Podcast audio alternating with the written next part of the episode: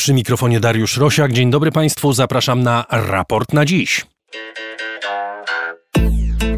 Wielka Brytania zamknięta, totalny lockdown, największy w tym kraju od marca ubiegłego roku ale nas zainteresuje dziś również jeszcze większa zmiana.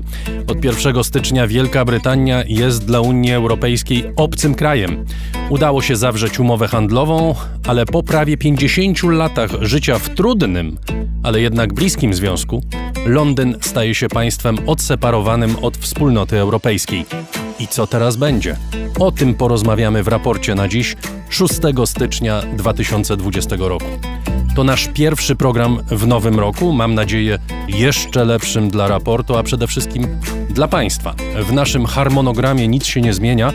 W środę raport na dziś, w soboty raport o stanie świata, w każdy drugi poniedziałek miesiąca raport o książkach. 11 stycznia, już w najbliższy poniedziałek, kolejny. Agata Kasprolewicz, która prowadzi raport o książkach, już gotowa do noworocznego startu. Przypominam też, że raport to Państwa audycja. Nie byłoby nas bez Was.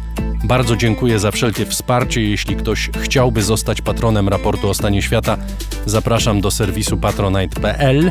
Za jego pośrednictwem najprościej dokonać wpłaty. Jesteśmy w studio Efektura w Warszawie. Agata i Chris Wawrzak gotowi. Ja też. Zaczynamy. Moim gościem jest dziś Jakub Krupa, dziennikarz mieszkający od lat w Londynie. Witam cię serdecznie. Dobry wieczór. Chyba słuszna będzie uwaga, że z tego balonu pompowanego od 23 czerwca 2016 roku, czyli od dnia referendum brexitowego, powietrze zeszło wyjątkowo szybko. Ja dzisiaj przeglądałem e, gazety brytyjskie, może nie wszystkie, ale te, te ważne, te duże. Wszyscy piszą przede wszystkim o lockdownie, który w Wielkiej Brytanii przybiera obecnie bardzo surową formę. Czy to jest możliwe, że Brexit po prostu się wydarzył i w tej chwili został przykryty totalnie właśnie tym, co się dzieje w związku z przeciwdziałaniami pandemii? Na pewno tak i trzeba przyznać, że ten cykl newsowy, czy news cycle, jak mówią Brytyjczycy, e, w, w tym roku, czy w ogóle w ciągu ostatnich nastu miesięcy, jeśli nie więcej, jest szczególnie, um, szczególnie bystry i szczególnie ciężko nadążyć za tym, co się dzieje, w związku z czym faktycznie um, to tak, tak, że Brexit gdzieś utonął w nawale innych wydarzeń. Wcześniej mieliśmy oczywiście covidowe blokady w Dover i, i, i, problemy z przeprawą przez e, kanał. Teraz mamy oczywiście też nowy lockdown, w związku z czym pod tym względem na pewno tak. I trzeba też powiedzieć, że chyba wiele osób miało e, trochę błędne wyobrażenie na temat Brexitu jako i, i pewnie dość naturalne, że oczekiwała taki wielki, e, prawda, finał, w którym coś wielkiego, spektakularnego wydarzy i w którym wszyscy natychmiast odczujemy to, że do tego Brexitu doszło. I taka sytuacja oczywiście miałaby miejsce, gdybyśmy nie mieli porozumienia. Wtedy te wszystkie najgorsze scenariusze na temat e, absolutnej, e, absolutnego paraliżu na granicach i tak dalej, tak by się prawdopodobnie ziściły, a przynajmniej wiele z nich. Natomiast w sytuacji, w której mamy to porozumienie jakkolwiek przyjęte, popychając kolanem w trakcie kolacji wigilijnej, i wciąż jeszcze tak naprawdę w pełni nie przyjęte po unijnej stronie, bo jest to tymczasowa aplikacja tej umowy po stronie unijnej, to jednak ta umowa rozwiązuje większość tych problemów takich, które odczujemy, czy odczulibyśmy pierwszego czy drugiego dnia. To oczywiście nie zmienia tego, że wraz z upływem dni, tygodni, nawet jeśli ten od, odczucia Brexitu będą ograniczone przez to, że ludzie siedzą w domu i niespecjalnie mają jak odczuwać cokolwiek poza swoim własnym salonem, ale z czasem będziemy coraz więcej tych rzeczy doświadczać, bo nawet cały czas do tej pory masa operatorów pocztowych nie wysyła rzeczy do Wielkiej Brytanii albo nie przyjmuje paczek do Europy. Masa firm nie wysyła produktów, które można zamówić z Europy do Wielkiej Brytanii, bo cały czas próbuje odnaleźć się w tym nowym scenariuszu i nowych zasadach regulacyjnych. W związku z czym myślę, że pod tym względem ten, ten wpływ i ten moment takiego gigantycznego jakby e, spiętrzenia Brexitu w pewnym sensie się nam trochę faktycznie rozmyje. Jeśli ktoś na przykład zamawiał przez Amazona brytyjskiego książki albo płyty, tak jak ja, e, no to być może Mikołaj nie zdążył na przykład. Święty Mikołaj chyba jeszcze w drodze. Do mnie, do mnie zdążył dzisiaj na przykład, ale zostawmy to. Za chwilę wrócimy do Brexitu, natomiast porozmawiajmy rzeczywiście o pandemii, bo mieliśmy wystąpienie premiera. Już od kilku dni wiadomo było, że Wielka Brytania wprowadzi kolejne obostrzenia bardzo ostre. Mamy rekordowe liczby zachorowań i mamy też bardzo sprawnie prowadzoną akcję szczepień obok Izraela, Stanów Zjednoczonych, Wielka Brytania procentowo najwięcej zaszczepiła ludzi na świecie. Może tam chyba Bahrain jeszcze jest w międzyczasie, ale, ale z krajów europejskich z pewnością Wielka Brytania jest w czołówce. Czy to jest y, strategia, którą przyjęli Brytyjczycy na ten moment, żeby jak najwięcej, jak najszybciej ludzi zaszczepić?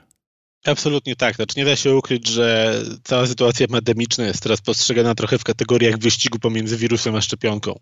I to jest dosłownie przedstawiane jako. I to najlepiej widać w ostatnich liczbach, prawda? Brytyjski Urząd Statystyczny szacuje, że w tym momencie koronawirusa na terenie Anglii ma około 1,1 miliona ludzi dużo, co 50 gospodarstwo domowe, że ktoś, ktoś w, takim gospodarstwie domowym ma koronawirus. To jest 2% ludności Wielkiej Brytanii, mówił premier. Tak, to jest dokładnie, to jest 2%. Chyba, chyba dane dotyczą szczegółowo Anglii, a nie całej Wielkiej Brytanii, ale, ale tak, no to, to możemy sobie to dobrze wyobrazić, prawda, że w co 50 domu, jeżeli wejdziemy, mamy, mamy kogoś, kto jest chorego, chory na koronawirusa. Jednocześnie liczba osób zaszczepionych to 1,3 miliona. I jakby po, po, te, te dwie liczby są tak bliskie, do siebie, prawda? Że jakby ciężko pozbyć się wrażenia, że to faktycznie jest wyścig dotyczący tego, w jaki sposób uda się tą szalę e, przechylić. To, co jest szczególnie istotne dla Brytyjczyków, to to, że faktycznie udało się rozpocząć masowe szczepienia szybciej niż, niż Unia Europejska i w tym momencie do dyspozycji są już dwie szczepionki, czyli i ta oryginalna BioNTech i Pfizer, które wymaga przechowywania przy minus 80 stopniach, ale też ta brytyjska, ta, gdzie premier Boris Johnson chciał wręcz zamieszczać flagę na fiolce, czyli ta Astra, AstraZeneca i Oxfordu, którą też od poniedziałku można dostać. I tutaj Wielka Brytania przyjęła ciekawą strategię, którą teraz też wiele państw europejskich analizuje i bada, czyli wymyślono, że jeżeli możemy podać dwie dawki szczepionki w odstępie trzech tygodni, to podamy jakiejś tam liczbie ludzi, a jeśli rozszerzymy ten okres czasu, na przykład do 12 tygodni, jak planuje Wielka Brytania, to będziemy w stanie więcej, większej liczbie osób podać pierwszą dawkę szczepionki, która już gwarantuje jakiś poziom ochrony. Zależy od szczepionki, to będzie od 60 do 80% mniej więcej, ale która już gwarantuje jakiś poziom ochrony. I stąd też ten ambitny cel, że teraz wchodząc w te, w te nowe ograniczenia, rząd Borisa Johnsona ma nadzieję, e, że jeszcze w połowie lutego uda się doprowadzić do tego, że już 13,5 miliona ludzi będzie zaszczepionych. A oczywiście większość z nich tylko pierwszą da. A jak to się odbywa praktycznie? To znaczy, gdzie ludzie są szczepieni? Czy są jakieś specjalne przychodnie, czy przychodzą do swoich przychodni ludzie? W, w największym stopniu na razie są szpitale i przychodni, i lekarze rodzinni, natomiast to się będzie zmieniało wraz z, z dostarczeniem większej liczby tej szczepionki AstraZeneca i Oxfordu. Na razie to jest tylko 530 tysięcy dawek, w związku z czym stosunkowo niedużo. AstraZeneca i, Oxford tłumaczyły się, że to wynikało z procesu regulacyjnego i tak dalej, ale wkrótce to, ma się zwiększyć do nawet poziomu 1,5 czy 2 milionów tygodniowo. I Wielka Brytania, e, plan jest taki, żeby szczepić ludzi dosłownie wszędzie, gdzie się da. I to mają być i centra kulturalne, stadiony piłkarskie, które mają być przerobione na, na punkty szczepień. Dosłownie praktycznie każde miejsce, gdzie możemy dużą liczbę ludzi zaszczepić, ma być wykorzystywane w ten sposób. I, i, to, i to oczywiście całe założenie polega tym, że im szybciej zaszczepimy, podamy chociaż jedną dawkę, tym szybciej uda się zacząć budować tą odporność. A jest wystarczająca liczba pielęgniarzy, pielęgniarek, którzy będą szczepić ludzi, czy, czy są specjalnie szkoleni? Powiem tak, Darku, jeszcze chyba nigdy w życiu nie byłem tak kuszony przez moje lokalne samorządowe władze, żeby zostać pielęgniarzem, jak, jak w ciągu ostatnich dwóch, trzech tygodni, e, bo wraz z rachunkiem za usługi, tutaj w sensie wywożenie śmieci i tak dalej, dostaję co tydzień maila, czy nie chciałbym przypadkiem zostać pielęgniarzem i pomóc. W związku z czym pod tym względem liczba zgłoszeń i sposób poszukiwania tych ludzi, którzy mogliby pomóc jest naprawdę olbrzymi.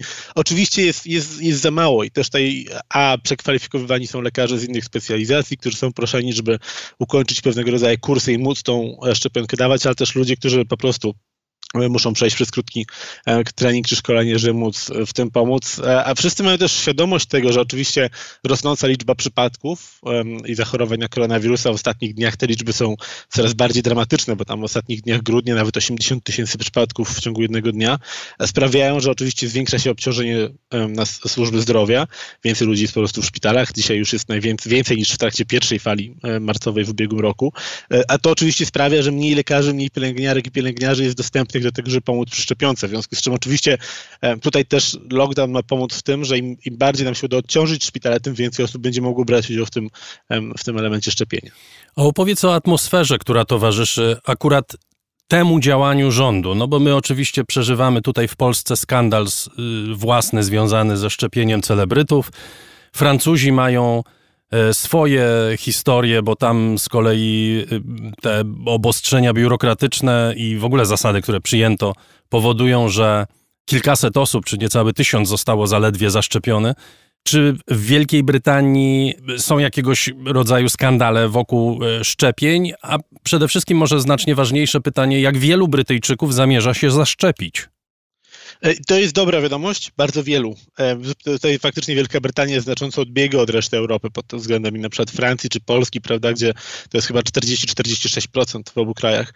Według niektórych danych w Wielkiej Brytanii to jest pomiędzy 70 a 80%, czyli dokładnie tyle, ile trzeba, krótko mówiąc, żeby osiągnąć tą odporność. W związku z czym pod tym względem nie ma aż tak dużych kontrowersji, chociaż nie da się ukryć, że jakby ruch e, antyszczepionkowców, czy jak to, to jest nazwany vaccine hesitant, czyli ludzi, którzy są niepewni, czy mają wątpliwości dotyczące szczepionki e, jest dość istotny i faktycznie brytyjska służba zdrowia nawet prowadzi specjalne kampanie edukacyjne informujące na temat tej szczepionki, w tym także wobec Polaków w Wielkiej Brytanii, którzy zostali zidentyfikowani jako jedna z tych grup, które są szczególnie niechętne czy mające pewne wątpliwości dotyczące szczepionek. W związku z czym pod tym względem jest e, duży element edukacyjny, ale jest też na przykład bardzo ciekawy element walki z propagandą czy, czy, czy informacjami antyszczepionkowymi w internecie, gdzie od jakiegoś czasu, już praktycznie dwóch lat, brytyjski rząd pracował nad legislacją dotyczącą online harms, czyli tak szkód, które możemy sobie wyrządzić korzystając z internetu, które normalnie z tym się wiąże, nie wiem, kwestie molestowania seksualnego, czy kwestie prześladowania z jakiegokolwiek powodu, czy kwestie niebezpiecznego zachowania wobec dzieci.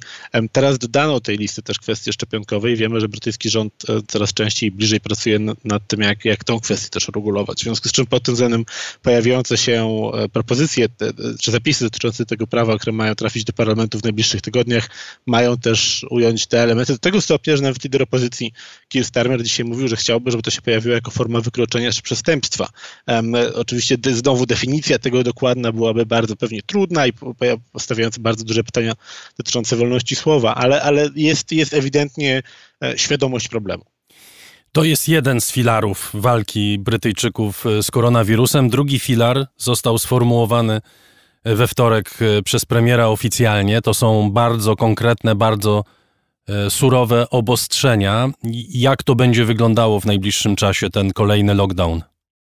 Znaczy w, du w, dużym, w dużym skrócie wracamy praktycznie, wsiadamy w maszynę e, do przenoszenia się w czasie i wsiadamy do marca ubiegłego roku, bo poza minimalnymi różnicami dotyczącymi niektórych branży, czy na przykład dostępności niektórych usług dla dzieci, czy na przykład do tego, że dentyści będą otwarci, to obostrzenia będą bardzo zbliżone do tych, które widzieliśmy w e, marcu ubiegłego roku.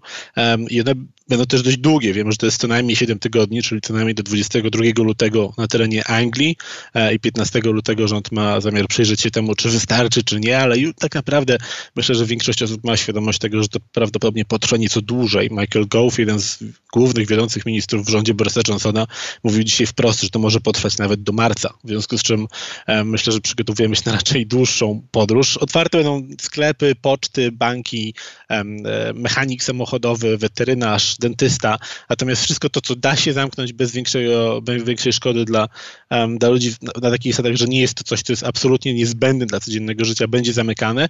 Kontrowersyjnym wyjątkiem, tutaj wiele osób zadaje sobie pytania, dlaczego tak się stało, um, są kawiarnie, restauracje i tak dalej, które mogą działać na wynos, Tutaj oczywiście kawiarnie w szczególności próbują tego trochę nadużywać, będąc otwarte tylko na wynos, ale oczywiście ludzie siedzą metr przed tą kawiarnią, w związku z czym to chyba nie do końca rozwiązuje um, ducha tych ograniczeń.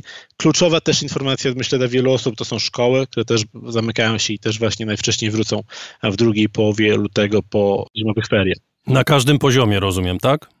Na każdym poziomie praktycznie poza żłobkami, poza tym naj, naj, naj, najniższym poziomem szkolnym, cała reszta też, tak samo jak e, końcowo-roczne egzaminy będą odwoływane. I tutaj też wiemy, że to, to będzie miało drugi rok z rzędu wielki wpływ na przykład na procesy rekrutacyjne na uczelnie, w związku z czym już się mówi o, o kosztach tego, a też oczywiście szkoły są fizycznie zamknięte, ale edukacja będzie odbywała się w internecie i teraz gigantycznym problemem, z którym mierzy się rząd, e, i nie tylko w Anglii, o której do tej pory mówiłem, ale też we wszystkich czterech narodach, e, jest oczywiście kwestia dostępności do komputerów, do urządzeń elektronicznych, do internetu. E, szacuje się, że dosłownie nawet kilkaset tysięcy dzieciaków po prostu nie ma możliwości uczestniczenia w lekcji internetowej, więc natychmiast ruszyły kampanie polegające na tym, żeby podarować im na przykład tablet czy laptopa pomóc w tym dostępie do internetu. Sam rząd zakupił 500 tysięcy w ciągu ostatnich e, miesięcy, e, które też były rozdawane w niektórych szkołach uczniom na zasadzie, żeby pomóc im w tej nauce zdalnej. E, natomiast no, myślę, że wszyscy mają świadomość tego, jak bardzo, jak bardzo bolesne, jak bardzo to się odbije po prostu na systemie edukacji.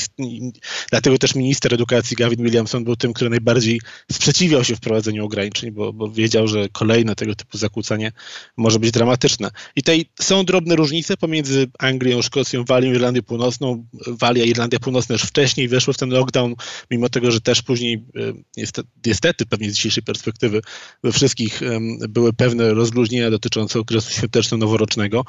No, ale w Szkocji, w Irlandii Północnej zaczęto wcześniej, to jest kontynuowane, w Szkocji co najmniej do końca stycznia, w Irlandii Północnej cały czas czekamy tak naprawdę na końcowe decyzje, bo lokalne, lokalne władze jeszcze je podejmują. Walia od ponad dwóch czy trzech miesięcy była tym miejscem, gdzie sytuacja była najgorsza i praktycznie non-stop siedziała w ramach tych na, na, na, najbardziej najtrudniejszych ograniczeń. Teraz tą rolę przejął Londyn. Wszyscy mają nadzieję, że te kilka tygodni pomoże w opanowaniu tej sytuacji, ale patrząc na wykresy przypadków w każdym z czterech zakątków Zjednoczonego Królestwa, ciężko pozbyć się wrażenia, że to może potrwać trochę dłużej. No dobrze, porozmawiajmy o Brexicie. Tak, dla luźniejszego tematu, prawda? tak, to luźniejszy temat. No niestety, ale znaczy nie wiem czy niestety, po prostu tak jest, że to jest temat, który przestał być tematem w pewnym sensie. Czy my możemy powiedzieć, że właśnie w sensie politycznym cała kwestia została zakończona, że, że wszyscy, nawet ci, którzy byli przeciwnikami Brexitu, zaakceptowali, że on się odbył, że ten proces jest nieodwracalny. Wielka Brytania jest po prostu poza Unią Europejską i trzeba ten fakt wykorzystać w interesie kraju. Myślę, że tak. Co do tego, czy to była dobra decyzja od dłuższego czasu, większość... No tak, to będzie ciągle weryfikowane. Tak. Większość Brytyjczyków w sondażach twierdzi, że nie, ale jednocześnie uważają oczywiście, że skoro tak zdecydowaliśmy, to tak musi się wydarzyć.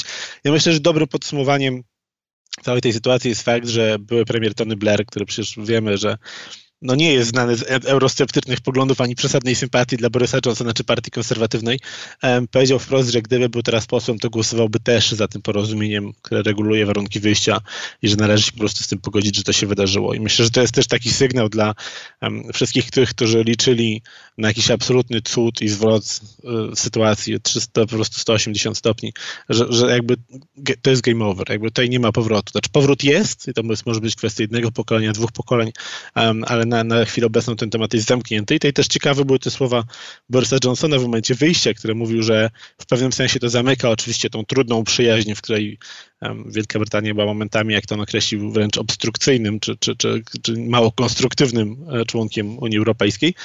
A w pewnym sensie e, tworzy taką zupełnie nową sytuację, w której jakby brytyjscy politycy, którzy bardzo lubili to, że mogli bardzo często zrzucić winę za coś na Brukselę, teraz nie będą mogli tego zrobić, więc zwiększa też jakby e, element przygląda, patrzeniem na ręce przez wyborców, a jednocześnie będzie bardzo ciekawy element konkurencji regulacyjnej. Na pewno o tym zaraz porozmawiamy, czyli o tym, jak Wielka Brytania i jak Unia Europejska będą się pewnie różniły w niektórych przepisach dotyczących tego, e, co i jak chcą sobie ułożyć. I pod tym względem e, myślę, że to będzie bardzo interesujący element takiego wyścigu o pozycję w nowym, w nowym pobrexitowym świecie.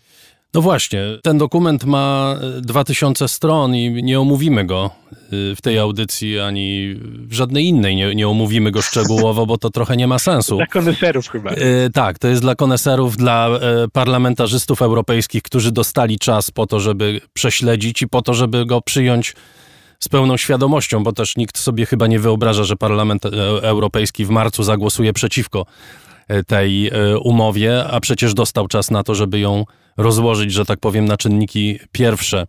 Porozmawiajmy jednak chwilę na temat tego, co konkretnie zmienia się w stosunkach między Unią a Wielką Brytanią czy Zjednoczonym Królestwem. Mamy te kwestie, które budziły największe trudności chyba, to znaczy takie dotyczące y, podstaw stosunków, czyli handel, usługi, sprawy imigracji, sprawy podróżowania. Jeśli chodzi o handel, wbrew pozorom chyba wiele się nie zmienia. Trochę się pozmienia, ale będzie to zasadniczo bardzo mało widoczne dla odbiorcy końcowego, ile nie zobaczy, że czegoś brakuje albo gdzieś cena wzrosła. Jakby nie, to nie jest ten poziom zakłóceń, którego wszyscy się obawiali, czyli bez porozumienia wyliczano, że na przykład ceny żywności mogłyby wzrosnąć istotnie i bardzo zauważalnie dla odbiorców końcowych. Teraz Bo wzrost... mogłyby się pojawić cła po prostu. Tak? Dokładnie tak. tak. Chodzi, o, chodzi o cła, chodzi o kwoty, chodzi o tego, tego typu rzeczy.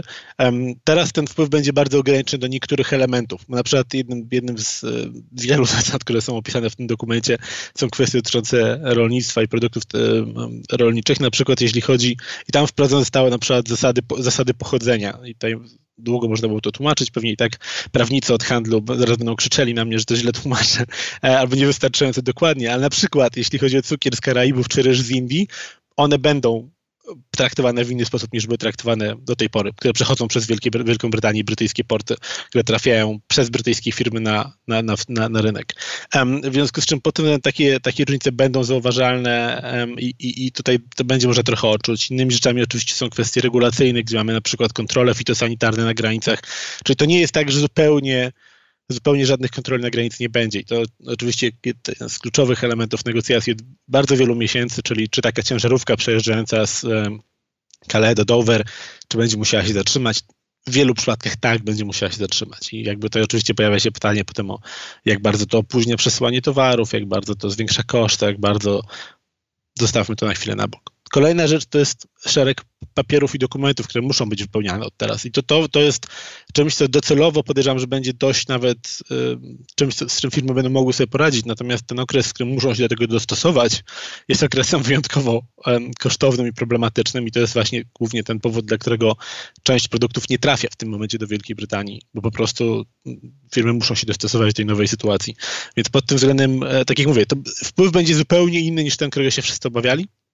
Natomiast myślę, że nie, nie byłoby e, uczciwym powiedzieć, że, że nic się nie zmieni, tego w ogóle nie zauważymy. Z drugiej strony oczywiście Wielka Brytania, brytyjscy eurosceptycy powiedzą, ha, takiego porozumienia to nie miał nikt i będą mieli rację. Żadne inne porozumienie handlowe podpisane przez Unię Europejską nie daje aż takiego dostępu, czy aż takiego e, poziomu jakby współpracy handlowej, jak ta umowa, w związku z czym tutaj ka każda ze stron oczywiście powie o tym, że oni wygrali. Czyli większość wymiany to jest jednak wymiana bez słowa, bez taryf, to jest utrzymana korzyść dla obu stron, i Unii Europejskiej i Wielkiej Brytanii. Jeśli chodzi o usługi, Przede wszystkim zastanawiano się, jak zostanie rozwiązana sprawa usług finansowych, która powiedzmy sobie szczerze jest podstawą w ogóle y, gospodarki brytyjskiej i, i tego sektora usług. Czy w tej umowie to już jest finalnie rozwiązane? Absolutnie nie. E, jakby tutaj kluczową rzeczą jest tak zwany financial equivalence i to nie zostało rozwiązane w żaden sposób, to są kwestie regulacyjne i kwestie dotyczące właśnie e, dostępu do rynków finansowych, tego nie ma. Wiemy też, że i to, i to też wiedzieliśmy od dawna, że na przykład kwestie paszportowania finansowego, to wszystko też znika wraz z Brexitem, w związku z czym tutaj widzieliśmy na przykład w ostatnich dniach spore przesunięcie kapitałowe pomiędzy Wielką Brytanią a Europą i to jest to, czego oczywiście City się w pewnym sensie obawiało. Znowu skala tego jest zupełnie inna, chociaż firma Ernst Young ocenia, że to jest jeden trylion funtów, który trafił z e, Londynu Czyli tysiąc miliardów, tak? Tak Dobrze jest, od, od, 2016 roku do Unii, które się przeniosły. Natomiast jeśli chodzi o szereg innych e, usług finansowych, no to mówię, to jeszcze wszyscy trochę czekamy na to, co, co się wydarzy. Negocjacje na ten temat dalej trwają e, i obie strony mają nadzieję, że do marca, czyli do wtedy, kiedy ta umowa handlowa będzie też formalnie w pełni ratyfikowana, uda się ten element dopisać do tej umowy. W związku z czym, i to jest jeden z takich paru elementów, gdzie faktycznie ta, ta umowa nie jest jeszcze aż tak um, wykończona. Inną rzeczą jest na przykład przesyłanie danych pomiędzy Unią Europejską a Wielką Brytanią.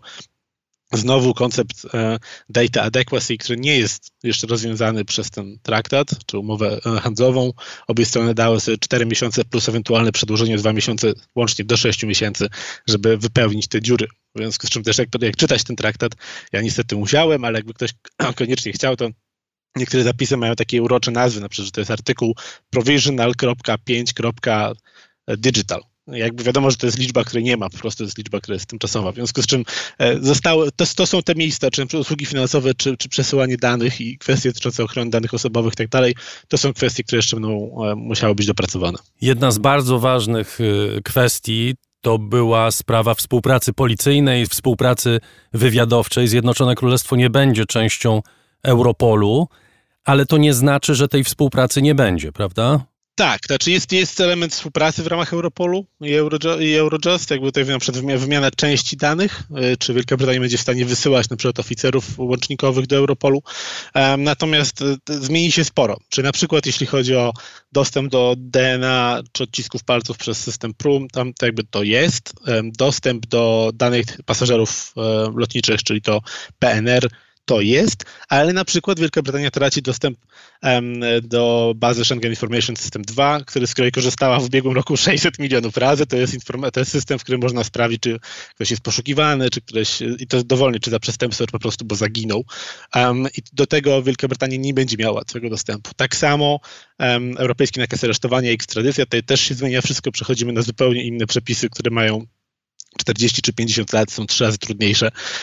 I to jest o tyle istotne na przykład, że to niestety jest niechlubna statystyka. E, ogromna część ekstradycji z Wielkiej Brytanii jest do Polski. To jest około 30 do 50% w zależności od roku. Co wynika też z różnych uwarunkowań prawnych w Polsce, ale jakby to też się zmieni i też ten proces będzie teraz znacznie trudniejszy. W związku z czym po tym jest sporo pytań dotyczących tego, czy pracując czy na śledztwach kryminalnych, czy na przykład też na śledztwach dotyczących przestępstw finansowych, obie strony będą w stanie pracować pracować tak skutecznie jak do tej pory. A w przypadku Polski to jest szczególnie istotne, jeśli chodzi o a, generalną, ogólną współpracę kryminalną, ale też na przykład kwestie handlu ludźmi czy współczesnego niewolnictwa, gdzie znowu Polska jest niestety w tej grupie państw, które no, są w złych miejscach w tabeli, czy w niechlubnych miejscach w tabeli. Y, jedna z rzeczy, która dotyczy w zasadzie wszystkich nas, to jest kwestia podróżowania imigracji, osiedlania się e, w Wielkiej Brytanii, osiedlania się Brytyjczyków e, w Unii Europejskiej. I takie rzeczy czysto praktyczne, na przykład jak roaming telefoniczny, prawda? To jest to, co kiedy tylko skończy się pandemia, będziemy odczuwać na własnej skórze jak to zostało uregulowane i czy zostało uregulowane? Może lepiej tak zadam pytanie. No właśnie w przypadku roamingu to jest na przykład kwestia poszczególnych operatorów, którzy mogą e, porozumieć się między sobą i wiem, że e, jest szereg operatorów i po stronie brytyjskiej i po stronie polskiej, nie nazywając żadnych, bo oczywiście e, wszyscy mają absolutną wolność wyboru swojego operatora, ale którzy nie będą wracali do czasów przed roamingu albo będą, albo będą stosowali zupełnie inne ceny niż teoretycznie mieliby na podstawie cennika, ale na przykład jednocześnie widziałem, że jedna z dużych polskich sieci no, podniosła te ceny, co, co oczywiście w porównaniu z przed Brexitem um, jest zmianą kilkudziesięciokrotną, w związku z czym będzie potencjalnie dla osób, które zapomną, zapomną wyłączyć internet, dość, dość bolesna. Natomiast brytyjscy operatorzy znowu, część z nich należy przecież do konsorcjów z europejskimi operatorami, co ułatwia znacznie rozwiązanie tej sytuacji. Um, tutaj um, to powinno być stosunkowo proste, ale z takich praktycznych rzeczy e, szereg, szereg kwestii, np. ubezpieczenie zdrowotne, karta ECUS, która też e, niekoniecznie będzie przyjmowana na terenie Wielkiej Brytanii, więc warto sobie wykupić ubezpieczenie i podobnie Polacy mieszkający w Wielkiej Brytanii, jadąc do Europy, mogą się zdecydować na dodatkowe ubezpieczenie prywatne, chociaż jest Wielka Brytania wymyśliła swoją własną kartę ubezpieczenia zdrowotnego, która nazywa się, żeby zmylić wszystkich prawie tak samo jak Europejska Karta Ubezpieczenia Zdrowotnego, która docelowo też ma um, działać w Europie. E, inne rzeczy praktyczne, na przykład przekraczanie granic i tutaj myślę, że bardzo odczuwalna kwestia dla wielu Brytyjczyków. Otóż, będąc krajem trzecim wobec Unii Europejskiej, obywatele Wielkiej Brytanii generalnie nie mogą wjechać do Unii Europejskiej w tym momencie, o ile nie są rezydentami. I to wynika oczywiście z ograniczeń wywołanych przez koronawirusa. I co było dość bolesne dla kilku osób, które odbiły się na lotnisku, próbując dolecieć do Hiszpanii, gdzie mieszkają, bo nie miały przy sobie dokumentów potwierdzających rezydencję w tym kraju.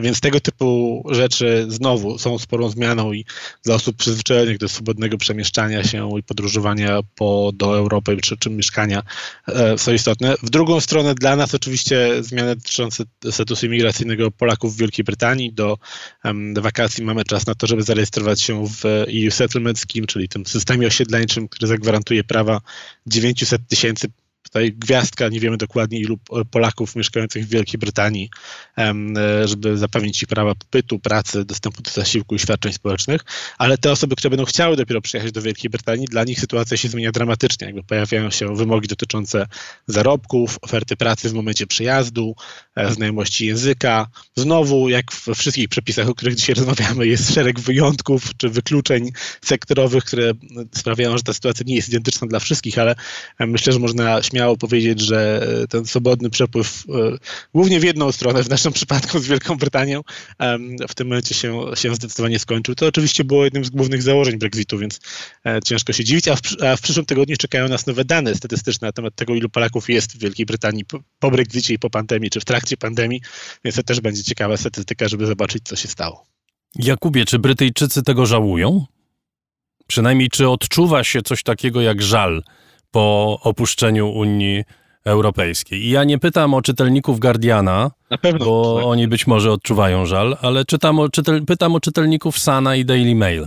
Oni, oni na pewno nie odczuwają tęsknoty za Unią Europejską, absolutnie. A to jest zdecydowana większość Brytyjczyków, no powiedzmy sobie szczerze. To znaczy, tych, tych akurat czytających The Sun Daily Mail to może, to może nie aż tyle, bo jak, tak samo jak w Polsce i w innych krajach europejskich ludzie odwracają się od prasy i czytają tego coraz mniej. Um, ale, ale na pewno, na pewno jest bardzo, bardzo istotna grupa ludzi, którzy tego Brexit regretu, jak to zostało nazwane, wszystko teraz można nazwać od Brexitu, um, nie, nie odczuwają, a przynajmniej nie jest on dla nich szczególnie dotkliwy, przynajmniej na razie. Znowu, sondaże są o tyle ciekawe, że pokazują, że większość e, Brytyjczyków uważa w tym momencie, że wyjście było błędną decyzją. I, i, to często wynika z różnych czy, czy, czy, powodów, czy to politycznych ogólnych preferencji, czy z tego, że część ludzi uważa, że to jest zły moment na wyjście z Unii Europejskiej i tak dalej, ale też jednocześnie widzimy i będziemy to widzieli coraz częściej, że takie momenty, w których Wielka Brytania wyprzedza Unię Europejską w czymkolwiek, jak na przykład teraz w dopuszczaniu szczepionek do obrotu, um, będą momentami, w których e, na pewno partie konserwatywne czy premier Boris Johnson będą wykorzystywali do pokazywania, aha, mówiliśmy wam, że to nas powstrzymywało i to jesteśmy w stanie um, zrobić. Dobrym przykładem jest inna rzecz, czyli um, podatek na produkty sanitarne, który wydaje, wydaje się dość drobną kwestią, ale faktycznie był kilkuprocentowy podatek na produkty sanitarne, jak na przykład tampony, który Wielka Brytania wręcz w ramach takiego udowadniania, że teraz możemy, zniosła pierwszego dnia i 1 stycznia wszyscy członkowie rządu tweetowali i mówili tylko i wyłącznie o tym, że ha, wreszcie Unia Europejska nam nigdy nie pozwalała tego zrobić i w ten sposób to była dyskryminacja kobiet, teraz wreszcie możemy to znieść. Um, I myślę, że każdy taki moment, w którym to, to odejście od przepisów unijnych będzie możliwe i będzie służyło Wielkiej Brytanii. Oczywiście premier Boris Johnson będzie wykorzystywał do pokazania, że to była właściwa decyzja, ale myślę, że można bezpiecznie powiedzieć, że sporo osób ma ma w tym momencie wątpliwości um, w takim wymiarze praktycznym, nawet jeśli na tym poziomie symbolicznym, który zdecydował o referendum i który dalej pozostaje najważniejszy, czyli imigracja, rybołówstwo, odzyskujemy kontrolę. Um, myślę, że ci ludzie, którzy głosowali za Brexitem dalej uważają, że to była właściwa decyzja, um, to myślę, że w ich głowie z czasem mogą pojawiać się dodatkowe pytania. I te pytania będą się pojawiać. Tutaj na dziś skończymy, choć oczywiście jest mnóstwo tematów. Nie ruszyliśmy w ogóle tematu przyszłości Unii Brytyjskiej, prawda, która być może przy okazji Brexitu będzie trzeszczeć w szwach, ale to zobaczymy w najbliższych miesiącach i latach. Tymczasem bardzo Ci dziękuję. Do tematu oczywiście będziemy wracać. Jakub Krupa, dziennikarz mieszkający od lat w Londynie, był gościem raportu na dziś. Dziękuję Ci bardzo. Dziękuję. Pierwszy raport na dziś 2021 roku już prawie za nami. Mnóstwo programów przed nami, mam nadzieję, w coraz bardziej normalnych warunkach. Proszę pamiętać, że robimy raport dla Państwa i dzięki Państwu. Dziękuję bardzo.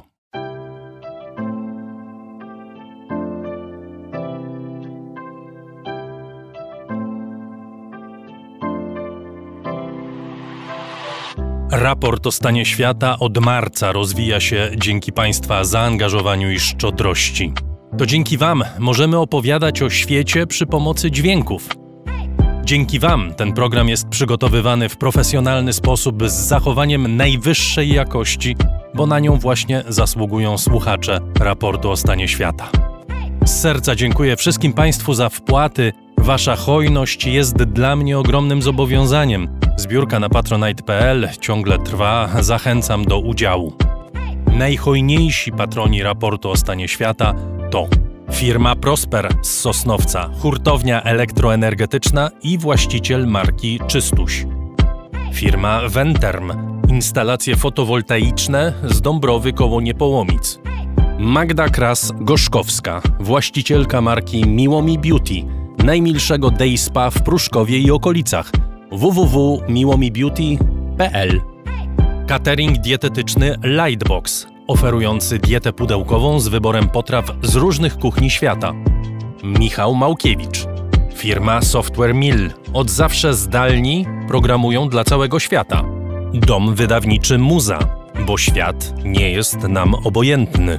Uber. Myślimy globalnie, działamy lokalnie. A także firma Ampio Smart Home. BIMV.pl. Kursy online dla inżynierów. Mariusz Drużyński. Palarnia kawy La Cafo z Augustowa. Gosia i Michał Kowalczewscy. Alan Meller. Paweł Nowy Nowak, organizator konferencji WUD Silesia i projektu spekulatywnego Rzeczywistość Ewentualna Mądrość Znikającej Przyrody. Więcej informacji na www.wudsilesia.pl Michał Piętoń, projektant znaków graficznych. Fundacja Wasowskich, opiekująca się spuścizną Jerzego Wasowskiego i wydawca książek Grzegorza Wasowskiego. Szczegóły na wasowscy.com. Dziękuję bardzo. To dzięki Państwu mamy raport o stanie świata.